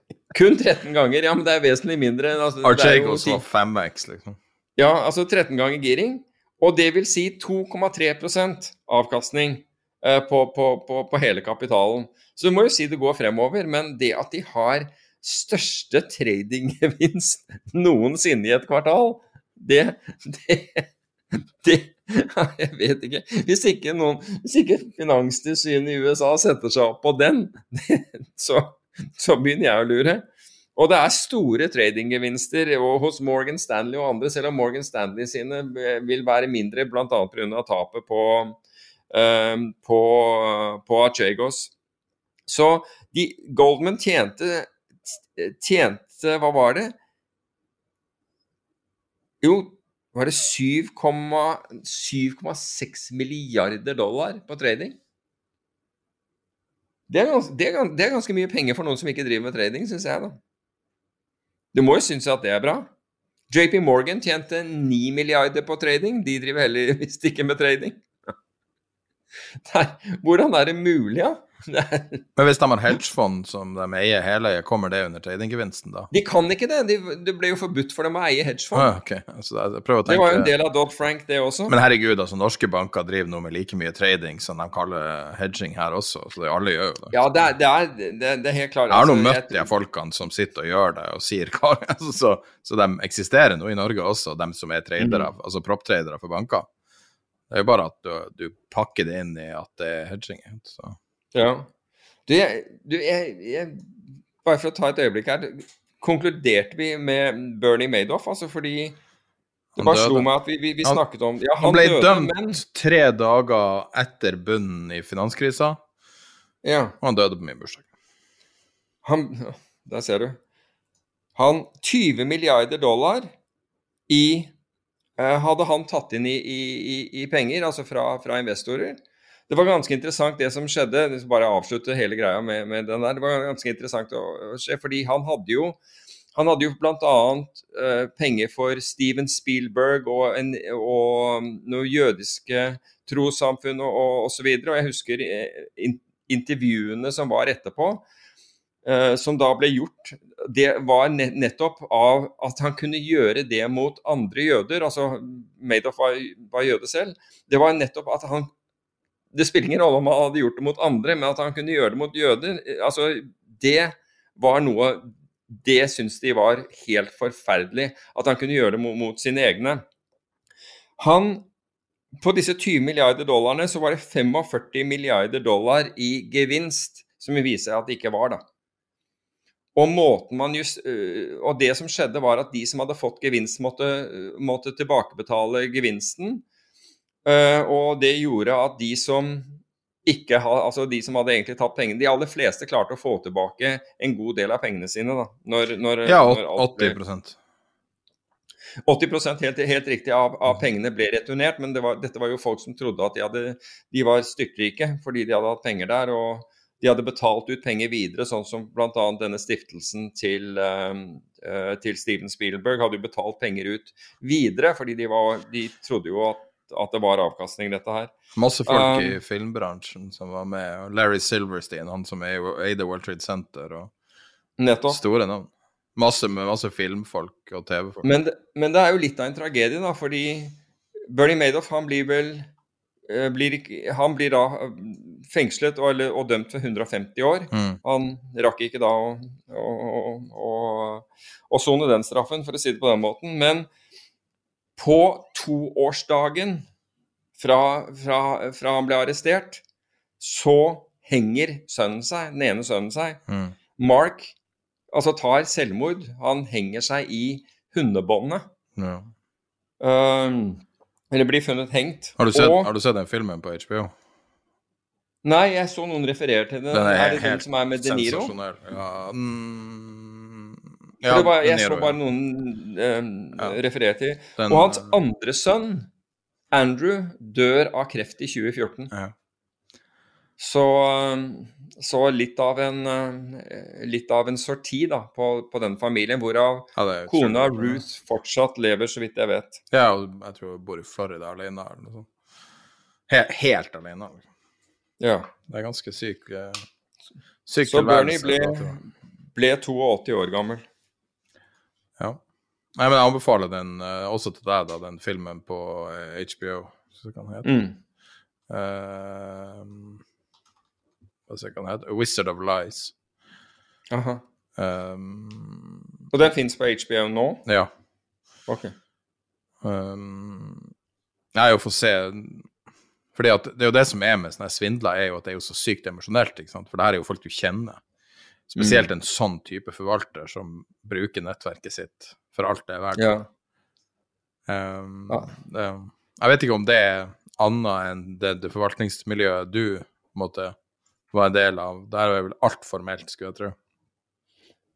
Alt, hva, hva, mener du? Nei, Når du henter penger, så går du ikke rundt på en middag og prøver å overtale folk til å signe opp til nye fond. Eller kanskje du gjør det, jeg vet ikke. Nei, uh, jeg, jeg, tror Sissener Sister har altså ingen, ingen samlinger for øvrig, men han har lunsjer og middager sånn ganske store. Jo, men jeg ja. tror han, han, har noen sånn årlige greier, og det er jo sikkert altså både for å pleie kundene, men i håp om å få mer. Nei, jeg har ikke arrangert Jeg tror ikke det, men jeg har holdt mye foredrag, da. Det har jeg gjort for, i, i, forbindelse med forvaltning. Det har jeg gjort. Ja. Så um, hva du syns om at uh, så mange meglerhus og børser og alt børsnoterer seg nå? Um, har, eh, er det så mange meglerhus som gjør det? Altså ja. børsene altså, altså greiene, Disse børsene som skal børsnotere seg, det er vel stort sett kryptobørser, er det ikke det? Jo, jo, så, jo, så har du Robin Hood, uh, jo, og så har du Jo, ja, det er sant. Og du hadde en, noter notering i Ja. Du hadde en Nordnett, ja. ja. Og så hadde du en notering altså, forrige uke. Men jeg skjønner at de vil uh, kapitalisere på det. Men er ikke det, det ofte et tegn på at de ser uh, at uh, liksom, nå, nå, nærmer vi oss et eller annet inflection point? Nei, jeg er ikke så sikker på altså Hvis de mente at Nei, jeg tror det er, det, at, det er mer det at folk er villige til å prise det opp. Når det gjelder, disse, når det gjelder krypto, så er det vel mer det der at her, her Altså i og med at er at, det, at, du får nå altså Du har noe som heter one inch, og du har et par andre som er sånne uh, Sånne aggregatorer som tar de beste prisene fra, fra, fra, børs, fra disse kryptobørsene. Du, er, uh, altså du vil få noen få markedsplasser, sånn som type Coinbase og noen andre. Alt det andre er jo bare skyggemarkedsplasser. Og da kan du spørre hvilken de må da ha en eller annen forretningsmodell som gir noe merverdi, fordi bare være markedsplassen og ta prisene fra f.eks. Coinbase og legge på en margin det, Folk gidder ikke å drive med det der. Altså det, det, lettere du har for å komme til disse markedene, og det har blitt veldig mye lettere, det, det mer sjanse er at folk går på det virkelige markedet. Og du har da OneInch, som da er en, en, en aggregator, som hvis du skal f.eks. kjøpe 1000 bitcoin eller et eller annet sånt, automatisk ser eh, over alle disse plattformene i verden og tar ut der hvor det er billigst. Og det vil ikke være disse som er, har, er dårlige til å konkurrere, for å si det på den måten, de små lokale. Så tar, den ut, og, eh, så tar den ut eh, markedet, og den har vist seg å være utrolig effektiv. Og ikke bare det. du kan få, altså hvis du skal ha, Det er en, en, en bra funksjon, syns jeg. at hvis du ikke, altså hvis du ønsker pengene dine eh, utbetalt i, i, dollar, så får du det i dollar. Men ellers kan du få det i stablecoin, altså med andre ord eh, kryptodollar, altså som er den samme som følger dollarverdien. Slik at du kan beholde det i, det, i kryptoverdenen og bruke det om igjen i den, i, i den verden hvis du vil. Så du slipper liksom å ta det ut og ta det til vanlige penger for å så måtte overføre tilbake igjen hvis du skal handle. De kan bli f.eks. du kan veksle det da til dollar, altså den kryptodollaren, ikke bitcoin, men kryptodollaren, stablecoin, og ha det der i mellomtiden. En supereffektiv må, må, måte å handle på. Så, så, men tilbake til ditt spørsmål. da. Hvis jeg var en mindre børs, så ville jeg jaggu prøvd å selge meg ut ganske fort. Ja, det ville jeg gjort. Mens, men husk, mens, altså i gamle dager, på, altså på 2000-tallet, så var liksom vitsen var når RS Plato skulle prøve å børsnotere seg så måtte du passe på, for da var vi nær toppen. For de prøvde igjen og igjen og, så, og var topptikken med hver forsøk på børsnotering. Okay. Uh, så jeg bare tenkte litt nå at det, det, var veldig mange år der meglerhus bare var en drittbransje, og eh, lav margin og egentlig ganske lav interesse fra folk å trade, og så nå har det kommet inn og blitt liksom prime time. Og så skal alle børsnotere seg cashe ut med en gang. For det, altså en ting er når vi snakker, det er noe vi snakker jo aldri om hvorfor man børsnoterer seg. Men det er jo flere årsaker til det. Og en av årsakene er jo at du regelrett Altså investorene som har mest innsyn i et verdipapir, velger å selge. Jo men jeg, jeg, jo, men jeg, tror det er annerledes i dag. Og, og, og for å tale meglerhusenes sak, da. Tidligere så var meglerhusene ekstremt personavhengige. I dag så er det Altså det kan være at det, det fortsatt er i, i emisjonsmarkedet, det, det, det, kan godt hende. Men i dag så er det mer at du har en teknologisk bra løsning. Og den teknologiske bra løsningen den vil være like bra selv om en eller annen supermegler skulle, skulle slutte i, i, i, selskapet, slik at du har redusert sårbarheten til, til meglerhuset. Da. Og ta, ta Nordnett, som, som, er en elektronisk plattform i, i all vesentlig grad jeg, jeg, skjønner det, og, og, og, dermed tør du å prise det høyere. Ellers så kunne du risikere å kjøpe et meglerhus for at stjernemegleren og fire andre slutter å starte et konkurrerende meglerhus. Det er ikke så attraktivt. Så Sånn sett tror jeg det er mer attraktivt. Eh, men da tror jeg vi er stort sett ferdig gått gjennom hele regnearket. Vi eh, legger ut det som er av linker som er blitt nevnt, og hvis det er noen chart som er nevnt, så legger vi det ut også, sånn at du kan gå tilbake i Eh, beskrivelsen av podkasten eller i bloggen på tiderpenger.no. Altså. Uh, og da er det bare å bli med i Facebook-gruppa. Søke på Tiderpenger på Facebook. Du kan følge chatten som vi har, som går eh, hele dagen hele året. Uh, Tiderpenger.no, og så er det oppe i menyen der det står 'live chat'. Um, og så har vi oversikt over en del Eh, bøker som er anbefalt, i tillegg til at du kan få tilgang på Audible eh, på gratis prøve med ei bok i en måned. Hvis du går inn uh, på leselisten og klikker inn på linken som er øverst der. Eh, da hjelper det oss til å støtte podkasten litt. Grann. Eh, da tror jeg vi var stort sett klar. Hadde noe mer på hjertet? Nei. Um, apropos, du nevnte jo Audible og den der boken the, som jeg nevnte sist gang, som jeg sa var veldig nerdete, 'All the Devils uh, are, Here', som handler om uh, finanskrisen. Uh, mot slutten av altså, Jeg skjønner at folk ikke gidder å, å, kjøpe en bok for å høre, høre, slutten av den, men i hvert fall andre halvdel av den boken, da begynner da, da, da kommer det noen historier om hvordan banker behandlet kunder under finanskrisen. Så vi, vi, vi kan snakke om det ved, ved en kommende podkast, men det er helt utrolig. Goldman Sachs er, er, den mest nevnte der, og det, det, er helt utrolig. Det er helt utrolig hva, hva, hva man gjorde mot, mot, kunder. Det er helt utrolig. Ingenting som forandrer seg. Ingenting forandrer seg. Supert. Men da eh, har vi nok en episode i boks, så ses vi om ei uke.